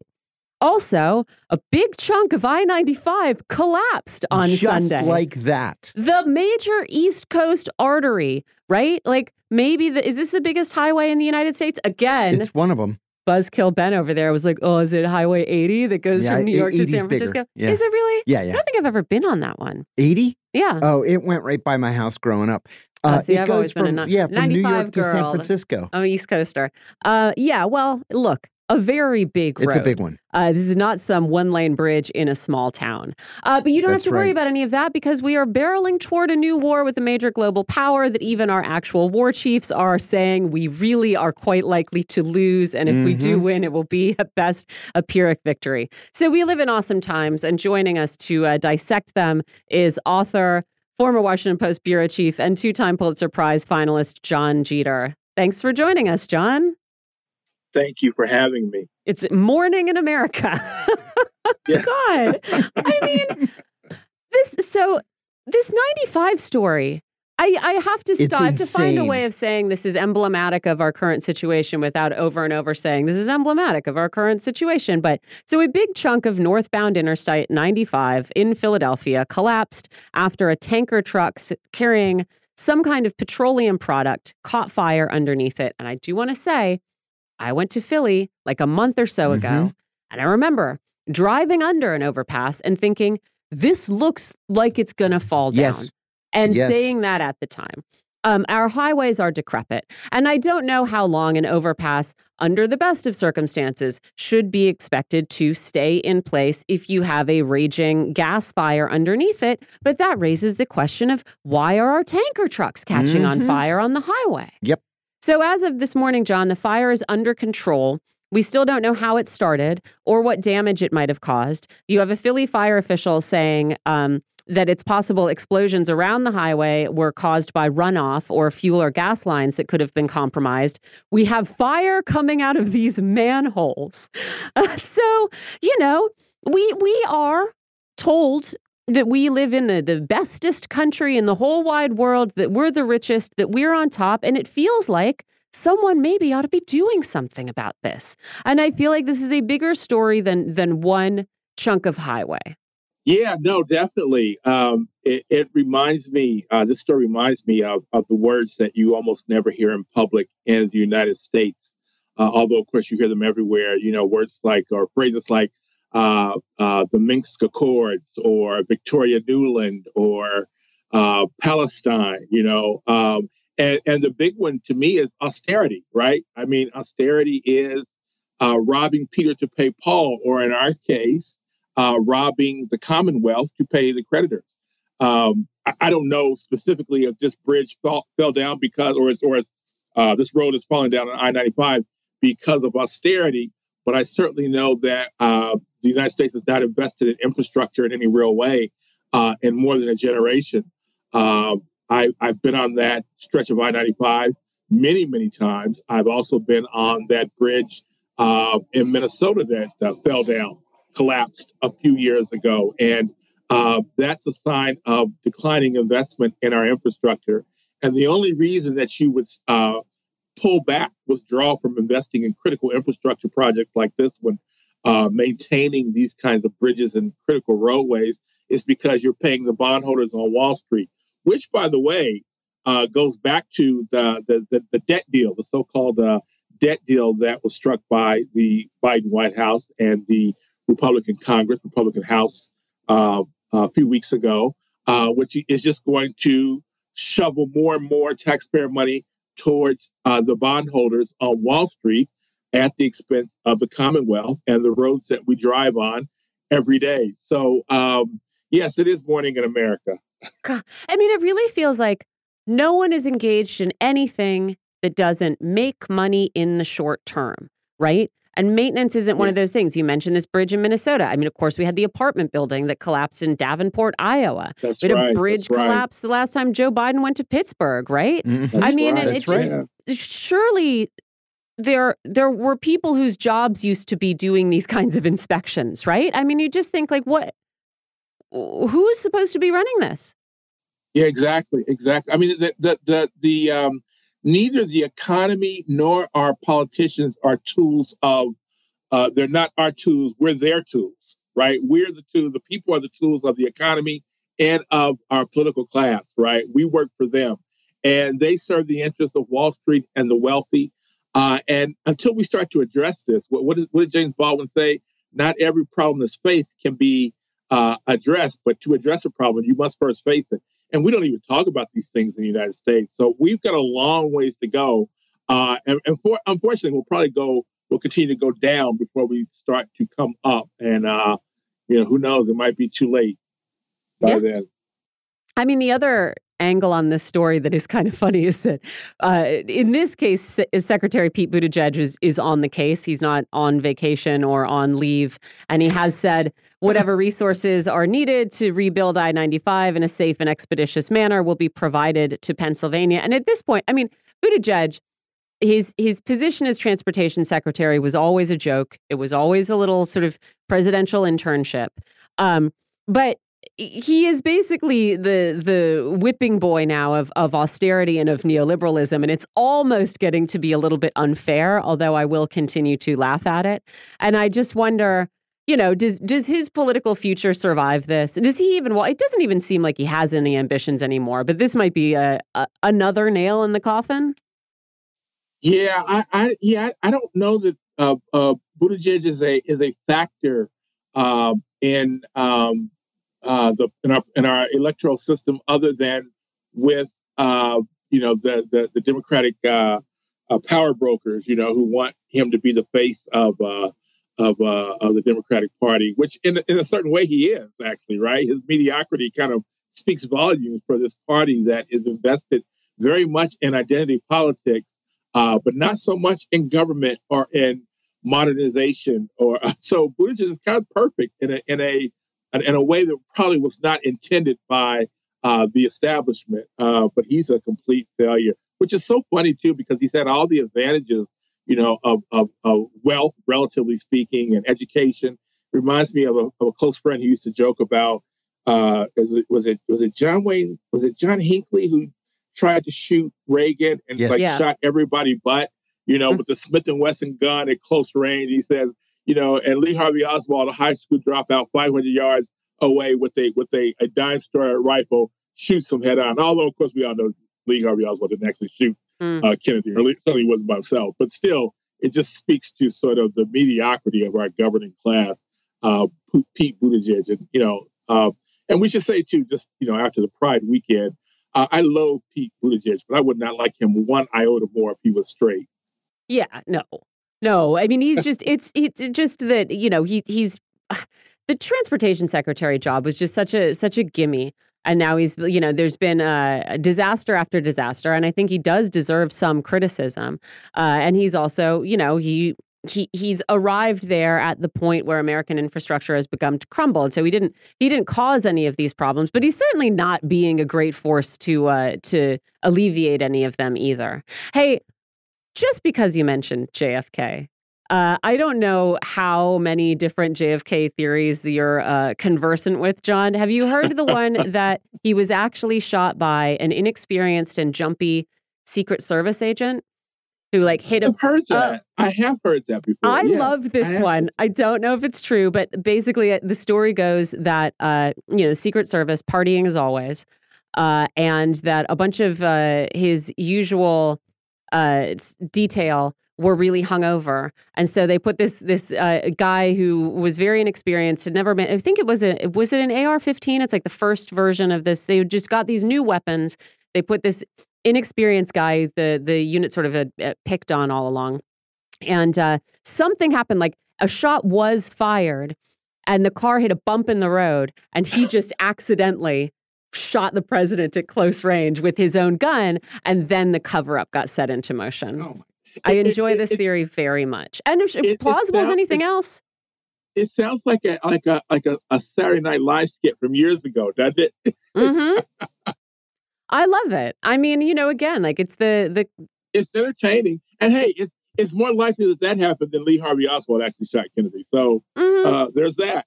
Yeah, All right, let's also talk about these uh, these cancer drugs because, of course, in addition to watching our roads and bridges and buildings collapse, we are also seeing our healthcare system basically turn into battlefield triage. Um, we have talked uh, about this drug shortage for some time, but I wanted to ask you that you know to to come at it from a sort of economic angle. So we we have this shortage of of about 130 drugs in the United States, and among those 130 drugs are two basic chemotherapies that are used to treat a lot of cancers. These shortages are affecting almost every cancer center in the country. I mean, the vast, vast majority. And so people are now rationing, right? Doctors are rationing these drugs. Doctors are giving patients uh, either less effective or more dangerous drugs. And a lot of the blame for the shortages for these particular cancer drugs is being put on the fact that one factory in India was shut down for quality control issues. But you know, the, the AP in a story in the last couple of days about these shortages uh, refers vaguely to having to deal with the root causes of these shortages without defining them. But the root cause is that we have this profit driven healthcare system that does not prioritize having uh, these drugs on hand, does not prioritize making them in the United States because they're too cheap and you don't make a ton of money off them. Um, and so I, I wonder, one, if you have any thoughts about, you know, how we have come to this point, but also it feels to me like the very obvious collapse literal and figurative, of these very basic systems of public transit and public health should uh, start to affect major political change in this country, but I feel like possibly the way that it is being reported is going to thwart that. And so I, I wanted to ask one, you know, if you wanted to talk about how it is that we have this, you know, incredible health system that produces these miracle drugs and yet can't get basic generic cancer drugs into the hands of patients. And then also, you know, how it is, I feel like that public anger is going to be kind of redirected away from uh, the obvious culprits here. Yeah, no, I mean this is this is sort of the, the the continuing story of the United States over the last 50 years as the oligarchs have reclaimed more and more space that we lost, that they lost uh, during that period, basically from the New Deal to roughly around 1975, right? Uh, and they just began to take more and more space. And, and and and what we're seeing now is that that some things some things can't be privatized, right? Some things can't be profit driven. Healthcare is one. Transportation is one where there should at least be some sort of uh, public investment, real public investment, because these systems can't be driven by profit. But healthcare is is especially uh, that is especially true, right? Because why? There's there's um, because if you are in it for profit, then you make more money if people are sick than if they are healthy, right? That's just a, a truism that you can't get beyond, you know, or I guess as Chris Rock would say, you know, there ain't no money in the cure, the money's in the treatment, right? Uh, and so we've got we've got a healthcare system that that basically uh, consumes almost almost one out of every five dollars of national GDP. That's about twice as much as the next highest country, which I think might be Amsterdam or something like that or, or Sweden. I can't remember, not Sweden, but uh, uh, Switzerland. I think that might be it. But anyway, I think it's about 10 $11 per uh, 10, uh, 10 or 11% of GDP there. They have uh, a privatized system that's very heavily regulated, right? And, and that's not perfect. That's going to run into some problems. But a completely, a, a healthcare system that is completely run by private for profit interests is going to fail, right? It's not invested in people's health is invested in their sickness, and that's what we see. We see it with with with, with the uh, drugs that aren't profitable, uh, uh, so they don't they don't uh, or, or, or the, either drugs that are, aren't profitable, so there's a shortage of them, or you have drugs that are um, uh, overpriced, as I saw in South Africa when I was a correspondent there. Drugs that are that are that are priced very high to meet the top end of the market, or you see, uh, and we see this a lot. something we don't talk about but we see the um, you know doctors who get paid uh, to to perform procedures. So if every problem to a hammer looks like a nail, every problem to a doctor who is a proceduralist, I think they call them, it looks like a procedure that needs to take place, dialysis or whatever it is. Um, that young girl in in um, in, in Oakland uh, about a decade ago who was uh, killed uh, or who died, I guess I should say, uh, after she had a tonsillectomy because she was overweight and had sleep apnea, which I don't think you have to be a doctor to understand. Why wouldn't you just put her on a diet, right? You, you, you know, these these are the things that are literally killing Americans, and yet, you know, I I I did this turning on the television yesterday, and I, I mean, as far as the mainstream news media is concerned here in the United States, there is nothing in the world more important than Trump being indicted for, uh, you know, uh, hiding state secrets or, or uh, being loose with state secrets, I suppose. But it's uh, it's a ridiculous system. Thank God it's about to fail, but unfortunately, there's going to be a lot of pain in that. I know. Thank God it's about to fail. Unfortunately, we're not watching it from a distance. You know, right, God. right, right, right, right and that is true. I mean, God, the hysteria over Donald Trump. And again, it is bad, right? It is bad to have this clown as president. It's bad that he took these documents out. It's bad that we have to even consider, well, maybe he was going to try and make an extra buck selling these secrets. Like, all of that is bad. But oh, the, oh, no question. The, no question. No, Donald like, Trump is no hero. He is no one to be uh, admired uh, or anything like that. Yeah. But he didn't do this, right? And all of the forces that brought us to this point of of collapse also are the forces that brought us Donald Trump. And it does feel like a, a deliberate kind of misdirection to say oh, be no very question. upset at this no political question. stuff yeah instead of thinking about like well who's who's been failing who's been failing to maintain our highways for 30 years you know right yeah. right right and, and, and and also it just seems like like the Democrats and the mainstream media and the and the I guess the liberal class seems like they have they have such a tin ear, right? They're so tone deaf. Like, okay, I, I, I can I can go along with prosecuting Donald Trump for this, but are we not even going to look into these allegations that Joe Biden and his son got five million dollars each mm. by the Ukrainian gas company? I mean, are we we just not we're just going to ignore this? I How mean, dare you? so yeah, I mean, really, it just seems so obvious and transparent, right? You know, like, I and, and the answer, of course, is clear to most people, whether you're on the left or the right, which is that, you know, Donald uh, uh Donald Trump is horrible. So is Joe Biden. Mm. Uh, but they don't seem to want to uh, address reality. Yeah, you got to you got to have a, a made up good guy. Uh, the good thing is, uh, actually, it turns out we've been wrong. This whole conversation has been wrongheaded, and the problem is China. And the solution is going to be a war with China. And never mind that the Pentagon is freaking out about a potential war with China because America might lose, which is Politico's headline in its magazine over the weekend. Um, I have a little joke here about how we never lose. And then you can list all of the recent battles that we have indeed lost, start at Afghanistan and work your way back. Um, so this this story tells us that in dozens of war games enacted over the past few years, war game scenarios, you get different outcomes. Uh, sometimes the U.S. does okay. A lot of times we lose. In all of them, we end up in a horrifically bloody and incredibly costly war that the United States struggles more than China to maintain because of our hollowed out industrial base and our decades long obsession with efficiency, which is, of course, wreaking havoc in our medical system as well. Um, and that, of course, you know, is it's pointed out that is if we don't nuke each other. Um, I am glad to see that there is some reporting like this because at the same time, we are getting this report in the Sunday Telegraph saying, Holy cow, guys, we just learned that Chinese scientists in Wuhan were working with the Chinese military to create mutant viruses and vaccines right before COVID 19 came on the scene. And we got this cool new information from US intelligence agencies.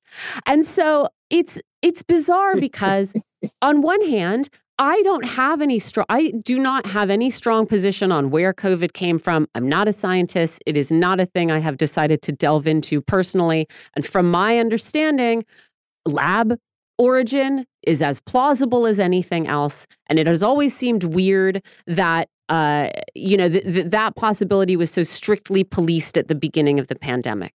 But it is also true that you have to be really skeptical of US intelligence leaks pointing us toward China and particularly the Chinese military as a culprit after we have had this spy balloon fiasco and we have reporting like every couple of months on how China has hacked this or that uh, you know software company, and China is behaving very aggressively by intercepting various American crafts in its own waters and near its own airspace. And so I wanted to get your thoughts on, you know, on this reporting from Politico and whether it is going to have the effect of making people look skeptically at this other reporting, which is pushing us toward war. Yeah, I, I, um, the Politico piece was was was was uh, very good actually. Um, the the piece on um, uh, the war gaming uh, by the Pentagon that shows that China would would give as as good as it takes in a war with the United States. Um, but I, I, I almost fear because our, our conversation, our national conversation has been so dumbed down uh, because Donald Trump is very likely to be reelected, that that won't, that won't drive much of the political class to say, see, we need to spend more on military defense. That's what worries me. And and also because it's part of the, lar- the larger context of what this sort of xenophobic, racist, uh, demonization of China because China has, if it hasn't already, surpassed the United States as the leading economic power and is very uh, uh, much on its way to surpassing the United States as the uh, the the the sun around which the uh, geopolitical order in the world revolves.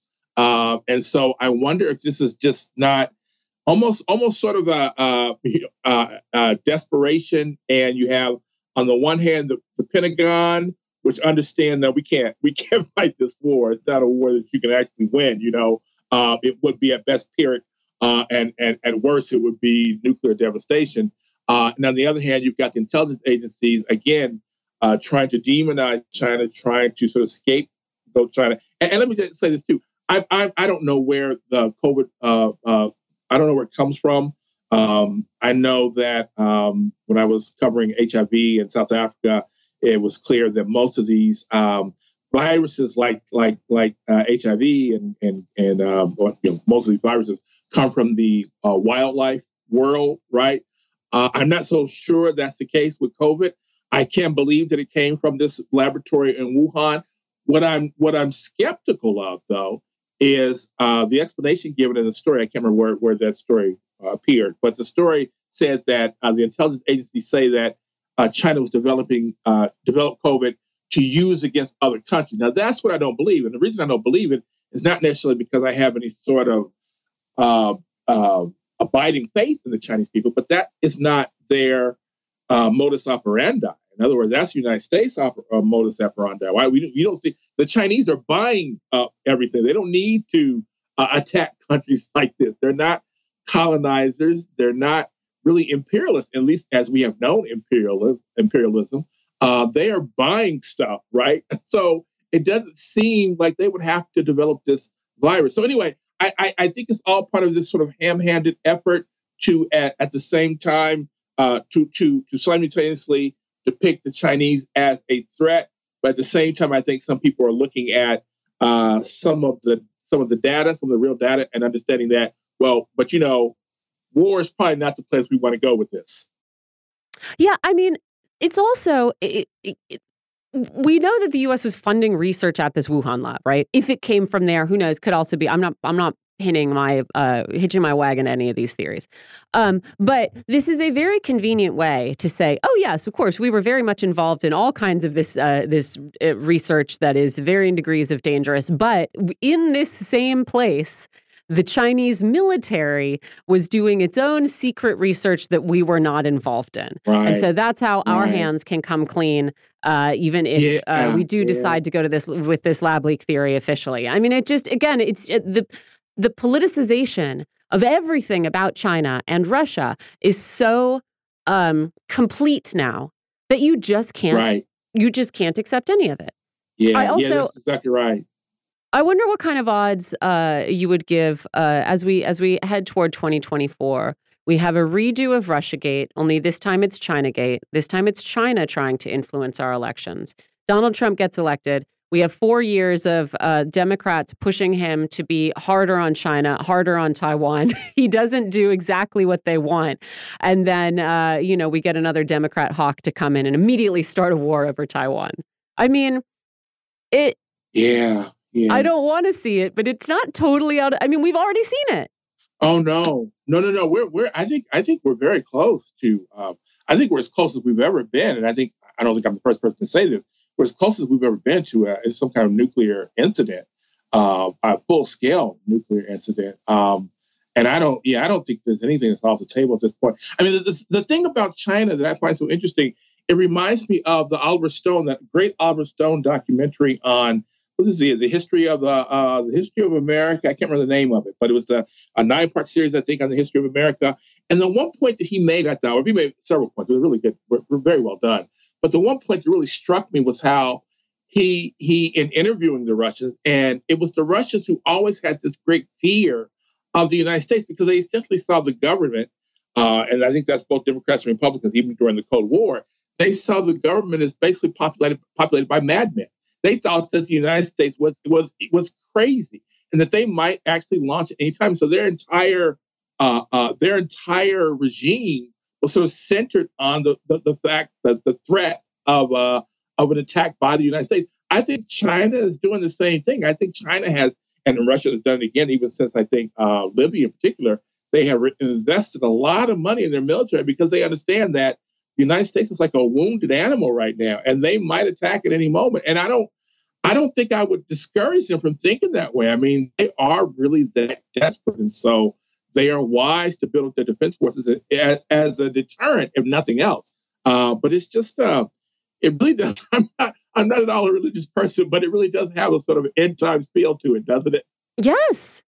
No, it really does. And and I also wonder, John and I were just sort of remarking on this, how it it all is only allowed to continue because nobody seems to be able to remember past three years ago, maybe, you know? And so it takes a sort of remarkable amount of deliberate erasure of even the most recent history, which I think, I guess, you, you have to fault the media for you know? Because otherwise how could we have this uh, you know how could we maintain this idea that we're so great and we're great victors and we're promoters of human rights and, and all of this other stuff? I mean the, the evidence to the contrary is right there. It's not very far back. And i don't know how i don't know how they manage this sort of like uh, magical disappearing act it, it, I, I will say this i think it's the media's fault primarily i think the media, media i think it's a failure of all of our institutions the media might be at the very top uh, but education might be right there with them.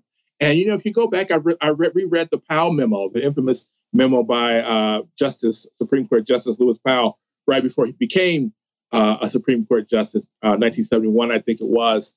Uh, the Chamber of Commerce hired him to do this memo where he talked about how um, the reactionaries, the conservatives, the corporate class could fight back against the liberalism that was spreading across the country vis-a-vis the anti-war movement, the radical black uh, uh, power uh, movement. And one of the things he he talked about very very directly was education and getting rid of leftist thought, ridding the the academy of leftist thought. And I think that we're seeing we're seeing this this dumbed down educational system conspire with media to produce just an inability. We just don't have the critical faculties to address our problems anymore because we can't even, as the pastors used to say, uh, as the Black Panthers used to say, we can't describe the phenomena that afflicts us. We can't describe it. You know, most of us anyway. Present company very much ex- excluded. Yeah, I think that's a really good point. I'll have to remember to uh, bash education every time I'm bashing the mainstream right, media. right, right, right. They work hand in hand. yeah. That was author and two time Pulitzer finalist Jon Jeter. John, thanks so much for joining us. I really appreciate Thank it. You. Thank you for having me. I know we have our next guest, John. We you have our to go straight guest. through? No breaks Monday. No, We've got too uh, much news. and that's that's That's yeah, fine. that's fine with me because there really is a lot of news. The Ukrainian government said this morning that its forces had retaken several villages in Donetsk as part of its counteroffensive against the Russian military. Moscow has not confirmed that any of the villages have been retaken, but the back and forth over who has control of what village, what parts of the military line are weak or strong, and who's responsible for the destruction of what infrastructure is not what's important in Washington. What is important here, at least in the U.S. political context, is whether or not Joe Biden can run for reelection based on the success uh, of his Ukraine policy. Success. Right, Honestly. right. The conflict in Ukraine is, of course, a proxy war between Russia and NATO, whether Washington wants to admit it or not. And the questions that Americans want to know the answers to are can Ukraine defeat Russia in this conflict? And can Joe Biden campaign on Ukraine being the crown jewel of his foreign policy? Those questions become more and more difficult for the White House and the Departments of State and Defense to answer with every day that passes. And former Italian Prime Minister Silvio Berlusconi died yesterday at the age of 86. Berlusconi was the longest serving post World War II Italian prime minister, and the media mogul and billionaire shaped Italy into what it is today. We're going to talk about these issues with Mark Sleboda, who is an international affairs and security analyst. Mark, we're glad to have you. Thanks again for joining us. John, Michelle, thanks for having me. It's always an honor and a pleasure to be with the political misfits. Well, I appreciate it. And I want to start by asking you about the situation on the ground in Ukraine. We saw today, Mark, in literally every news outlet in America, that Ukraine has taken four tiny villages in Donetsk from Russian forces. There's no indication that the Russian military even engaged over these villages. And there's no analysis, and I mean quite literally, there's no analysis in the Western media to tell us why or even if this development is important. What can you tell us? Well, speaking to what you were discussing in your intro, I can tell you right now what Russians and Ukrainians are both really focused on this point is whether Joe Biden in the US can use what's going on in Ukraine to win re-election. It's no, such I'm a horrible. No, I, I, it's, it's I, mean, that is such an American uh, uh, hubris centric. Yeah, because it's always about us. It's always about the U.S., isn't it? I, I saw the the headline in uh, Politico that Biden's reputation is on the line with the Ukrainian counteroffensive, or which is really an offensive, but you know, military terminology. Correct use of aside. Right. Um, you know, it's it's just amazing that Americans view what is happening in Ukraine, the, the terrible, you know, nine, we're, we're going on into the 10th year of conflict in that mm-hmm, country. Mm-hmm. And Joe Biden has been instrumentally involved in it from the beginning. So I think it, it actually is a fair assessment that his reputation should be on the line, although probably not in the way that it actually uh, the way it is is not the way it should be. Um, so I can tell you that right now, U.S. political theater aside, um, what is happening on the ground in Ukraine is um, the offensive, uh, the NATO proxy offensive, is not going very well. We are well into the eighth day of the active phase of this offensive. And the four same small towns would be too generous. Mm-hmm. Hamlet, maybe? We're talking four places uh, on the map in one area and two uh, further uh, to the, the western end of Zaporozhye over to the words the Kakhovka Reservoir. So we want to talk about the, these villages. They've been fighting over these for eight weeks, and that the there has been a back and forth. Several of them have passed uh, back and forth several times into hands. During this weekend, Russia withdrew from the four uh, hamlets in the Vremovsky salient. Now, this is uh, right on the border between Zaporozhye and southern Donetsk. This is where l- last Sunday the Kiev regime started their offensive, the same small towns. Russia withdrew from them over the weekend. The Kiev regime forces came in. They were pummeled by Russian artillery and uh, Russian aviation uh, terribly overnight, and Russia has begun a counteroffensive. Correct use of the term, actually, um, in, those same four settlements, uh, and they've definitely retaken one of them already uh, during the day, um, and uh, they're they're heavily fighting uh, for one of the others. Um, that is all the progress for all of those vehicles we have seen. We have seen at, at least seven absolutely confirmed Leopard 2 kills. Um, we have uh, seen uh, dozens of Bradleys, um, Marders, uh, MRAPs, uh, all kinds of NATO gear going up in flames uh, in, in pictures around the world. Um, and I, I think it's been a big shot to a lot of people.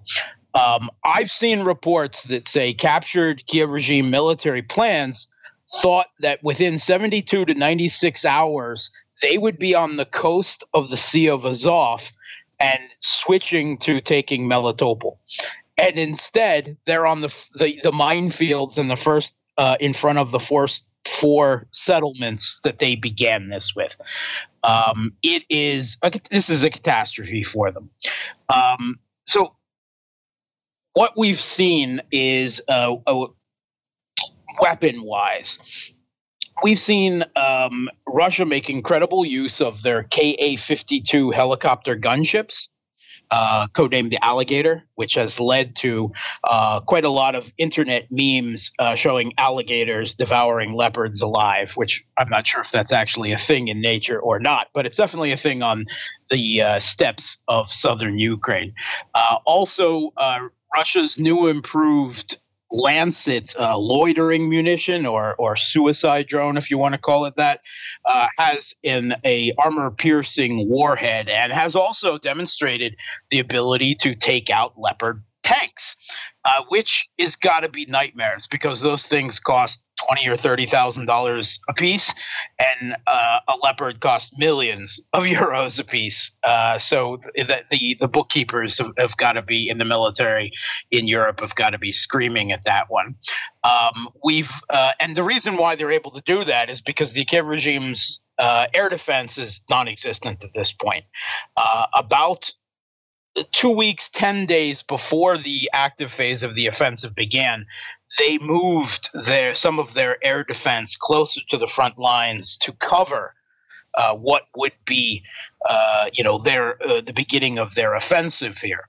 Uh, and Russia, uh, of course, found out about it and launched precision strikes, loitering munitions, um, some cruise missiles, some some other strikes, and on on the, the social media channels, it was called the S three hundred genocide. Uh, so we saw a number of Kiev's remaining S 300 air defense launchers positively destroyed. One of the vaunted German Iris air defense systems, uh, also, possibly two of them went up in flames, and a number of smaller, short, and intermediate range units. Long and short story Russia now has complete air superiority over the front. They've tried to put a few uh, MiGs and Sus in the air, and they've been shot down immediately. So Russia's gunships can just eat up entire convoys of NATO equipment uh, you know, with with impunity. I haven't even seen any manpad work. They must be very very short of them. Uh, so uh, that is a tremendous uh, advantage, and, and, it's a big part of, of, what is going on. But another bigger part, why the Kiev regime is, forces are traveling in these convoys, is laid out across all the terrain. This this gray zone that they're still trying to move through. Russia has big uh, mazes essentially of mines uh, and I think probably mines have caused more casualties on the Kiev regime side than anything else uh, so far. Um, it has really been devastating for them. So they have to use a small number of NATO supplied mine removal vehicles. Um, and um, they have to travel on convoys behind these things, which you can imagine they're moving across flat open steppe. you take out the mine removal vehicle you take out the one in the back and the rest becomes a turkey shoot right? That that's why we've seen multiple of these nato convoys stretched off across flat ground all apparently destroyed in quick succession. That's what's going on. Actually both sides are getting creative with mine warfare. Uh, the kiev regime uh, hasn't only been throwing meat against uh, you know Russian uh, defenses and minefields. Uh, they've uh, come up with the idea of using um, remote mines of their own, cluster munitions. Really, they fire them from rocket systems behind Russian lines, trying to hit the routes where Russia resupplies their forces at the line of contact on these settlements. I haven't heard that it's got much success yet, but it's it's the right idea at least.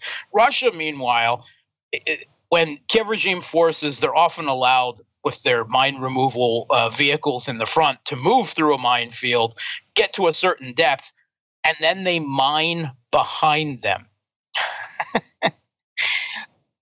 um, and they keep doing this repeated back and forth and back and forth. And actually this these russian tactics they're identical to what you can find in the us uh, army field manual for defenses. They recommend the exact same type of thing. So obviously they're on the same page of this. This is why mines. And we have seen six of these modified they are basically leopard chassis uh, with mine removal uh, breaching on the front of them that were supplied by Finland.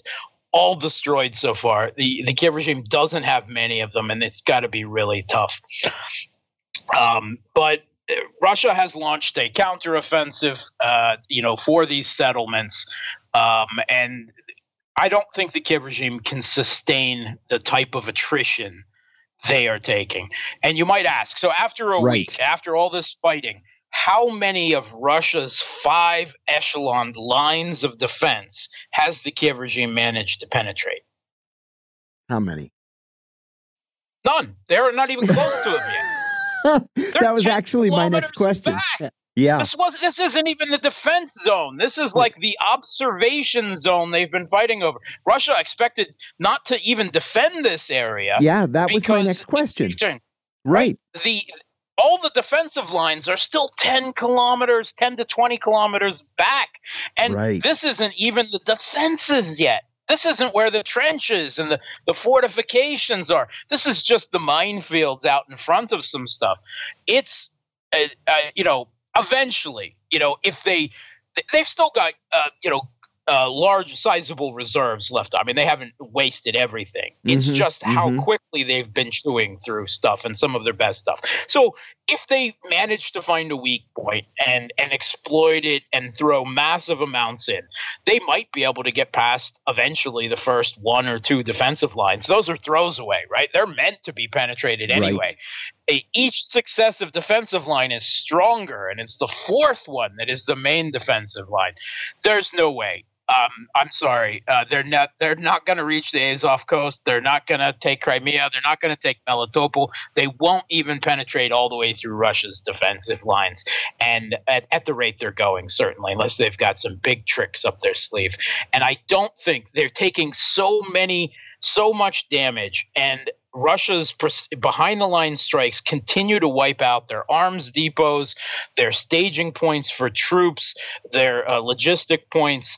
I don't think that NATO can keep this offensive supplied for more than three to four more weeks at this rate. And right. then it's it's done. Well, it's exhausted. Let me ask you about of course, the most important aspect of this, which so is ghoulish. the U.S. political aspect. So ghoulish. It's crazy. So much is being made in Washington about the success of Joe Biden's Ukraine policy, and some are referring to it as the crown jewel of the Biden foreign policy. So, first of all, the easy question is is is it? And I think I know the answer.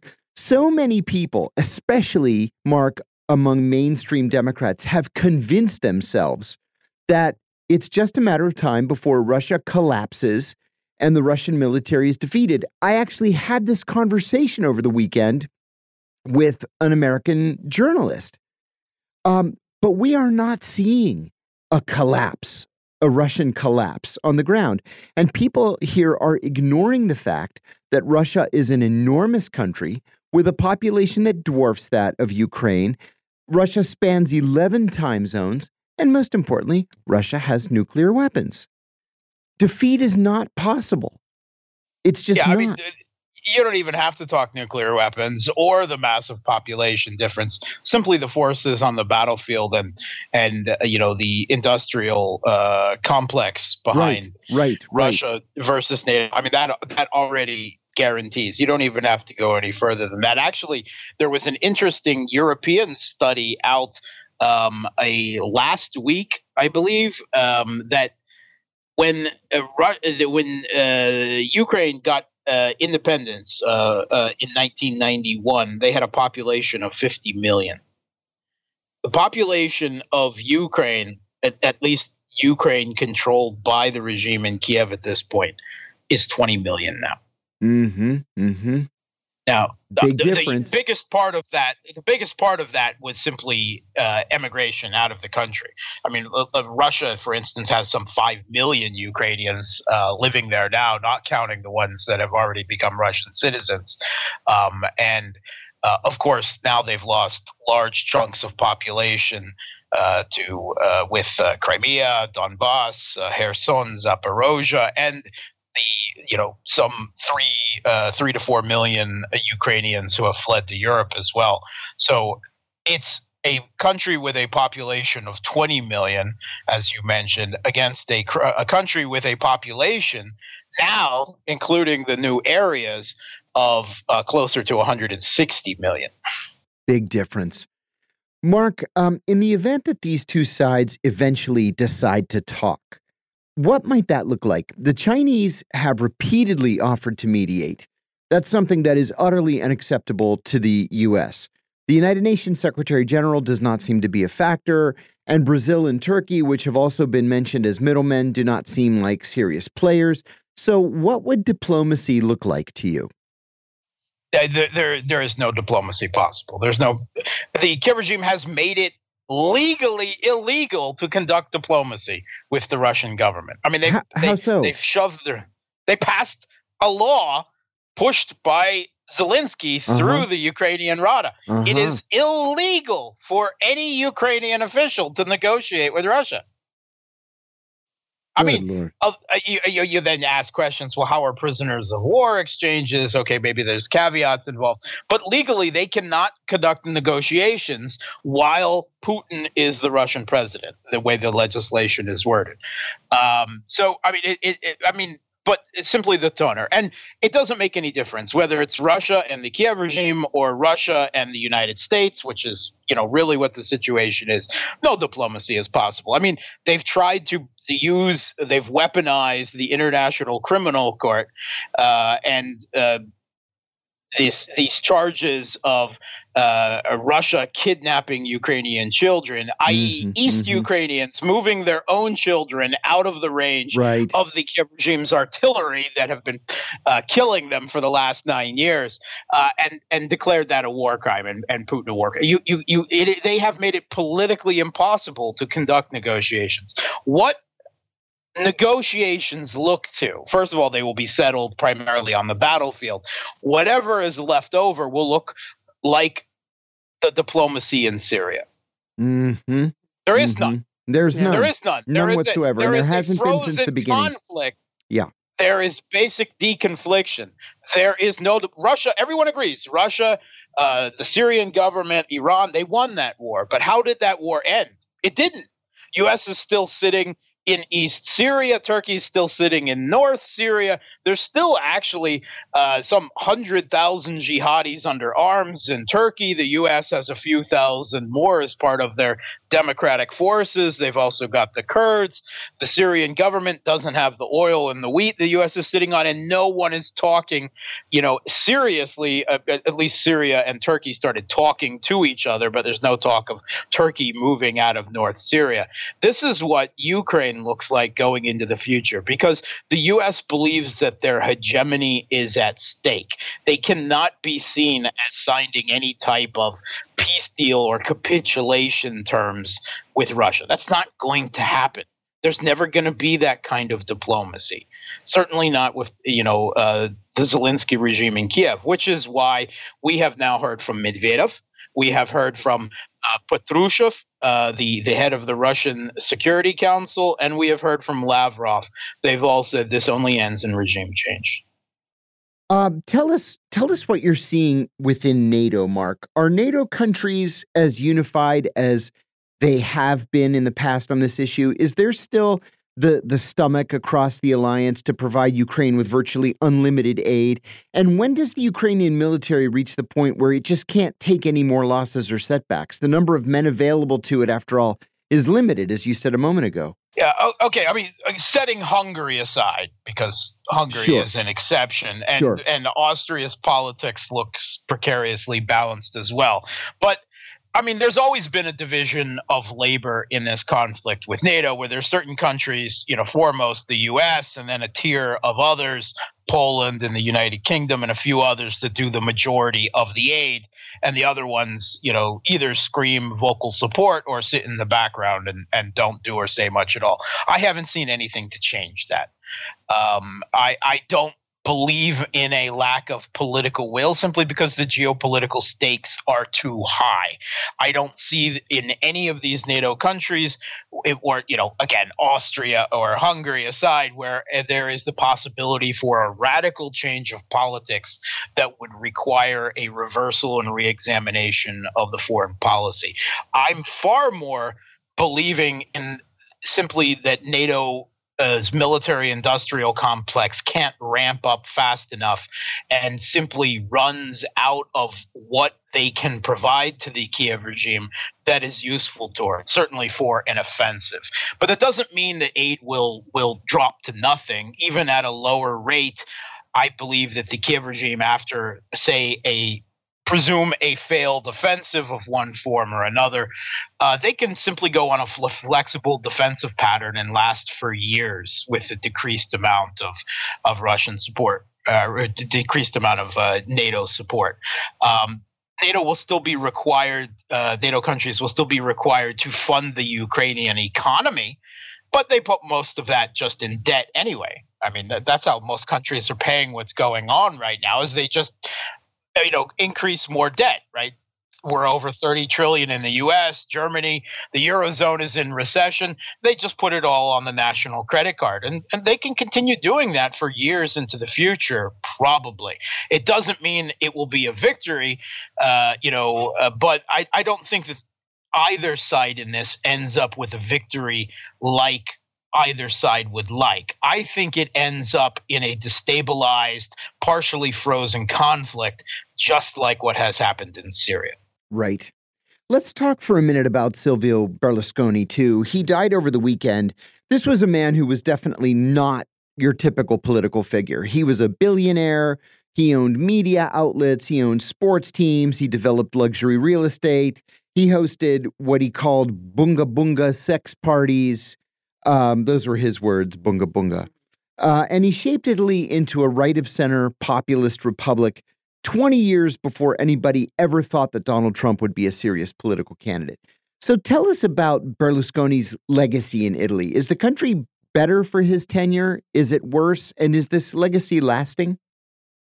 Okay, so I mean, that's really more a question that you should be asking Italians, I think. And I, I will refrain from commenting on Berlusconi's domestic his the society he was building in Italy and and the domestic uh, you know uh, politics of that.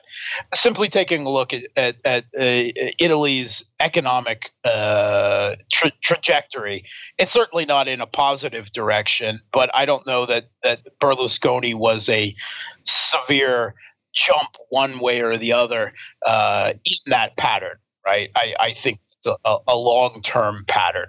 Uh, Italy has had fractious politics as far as anyone can remember, with more political parties than you can shake a stick at. Oh, but it yeah. is with Berlusconi that we saw the, the starting the formation of large coalitions. He ruled over a fractious coalition. But I, I would say, more importantly, he was the last whatever you may think of him, and I actually don't think a lot of him personally as a yeah. person or his domestic politics, he was a larger than life figure and he was a statesman, right? Everyone knew who Berlusconi is. How many people know who the prime minister of Italy is today? Right. Who's not a policy wonk, right? right. Um, he also he had a degree at least of of Italian foreign policy, and I don't want to say independence, but at least a little bit of flexibility, certainly compared to what European leaders have Mhm. now. And I would just say that it, uh, what an interesting footnote on his legacy is that because of comments he made that were viewed as positive towards Russia and negative towards the regime in Kiev, Berlusconi was placed on the Kiev regime's official, unofficial uh, kill list, Right. Mirotvorets, peacemaker. And after his death, um, his profile has now been marked liquidated by the Kiev regime. Are you kidding me? I am Oh he is now liquidated. That is Liquidated. their that is their spitting on the legacy of Berlusconi. Yeah. So uh, Good lord, that is inc- You know, uh, uh, what can you even say to something like that? First of all, I think it's a crime. I think the fact that this kill list even exists is a crime because so much money goes from the American taxpayer to the Ukrainian government, um, where where legal oversight uh, is just ignored. And nobody's willing to do a, an investigation into this. I think this is a violation of U.S. law. And then to say cour- liquid. Sorry, go ahead. yeah, of course it's a violation of US law, but it's also incredibly useful for the US government to cow their own journalists and heretics against Yes, the yes, foreign yes. policy of hegemony properly in line. That's why it, was, it has been run off of NATO servers. They know perfectly. They don't talk about it. They don't Yep. criticize it. And they certainly don't act to get any U.S. journalists or politicians or political figures or celebrities or anyone removed from the list. Not even Americans, much less Ukrainians or Mhm. Russians. It serves their purposes. it does indeed. Mark Sleboda, thank you so much for those insights. Mark is an international affairs and security analyst. He's based in Moscow. And we have just a minute or so left to uh, Yeah. To talk about any headlines that happen have Well, one thing up. we hadn't talked about is this. Uh, we're getting more details now about how these four children in Colombia survived this plane what crash. a crazy story. Forty days in the uh, in the, In the jungle. jungle. The youngest was a year Uh-huh. old. The, the oldest, oldest was, what, only 13. Yeah, I mean it is. Amazing story. I know, heartwarming, really. Um, the latest is that they are saying that actually the mother of the children survived for a few days. Ah, And uh, she was the one who told them to leave the site of the plane crash and go and look for help. wow. And that they managed. I still, we don't still have a, a lot of details on what what they, you know, Wow. what they did, what they ate, what they were able to No. do. But it is one of the, you know, in again, a time of mostly very bad news. That Yeah. is a a beautiful story. Decidedly good news. Yeah. Yeah. Yeah. Um, there was something else that I was going to mention here. When did I have it? Uh, oh, you know, just dumb political stuff. Oh, did you see the Washington Post CEO Fred Ryan is going to step down? Yes. Hmm Yeah, that was quick. He hasn't been in that position too terribly long. Honestly, should have resigned after they decided to put "Democracy Dies in Darkness" up there on the masthead. So Are you? offensive. It was just, just so, so incredibly offensive. It's just so dorky and self-important. oh my god. and gosh. I mean, yes. of course, journalism is very important. But what the Washington Post is doing a lot of the time is, uh, you know, only only very dubiously termed journalism. Indeed. Anyway, that's it. We're out of time, We're gonna have a lot more unfortunately. tomorrow. Yeah. Yeah. Thanks for listening, everybody. We'll see you on Tuesday. See Bye. you tomorrow. Bye bye.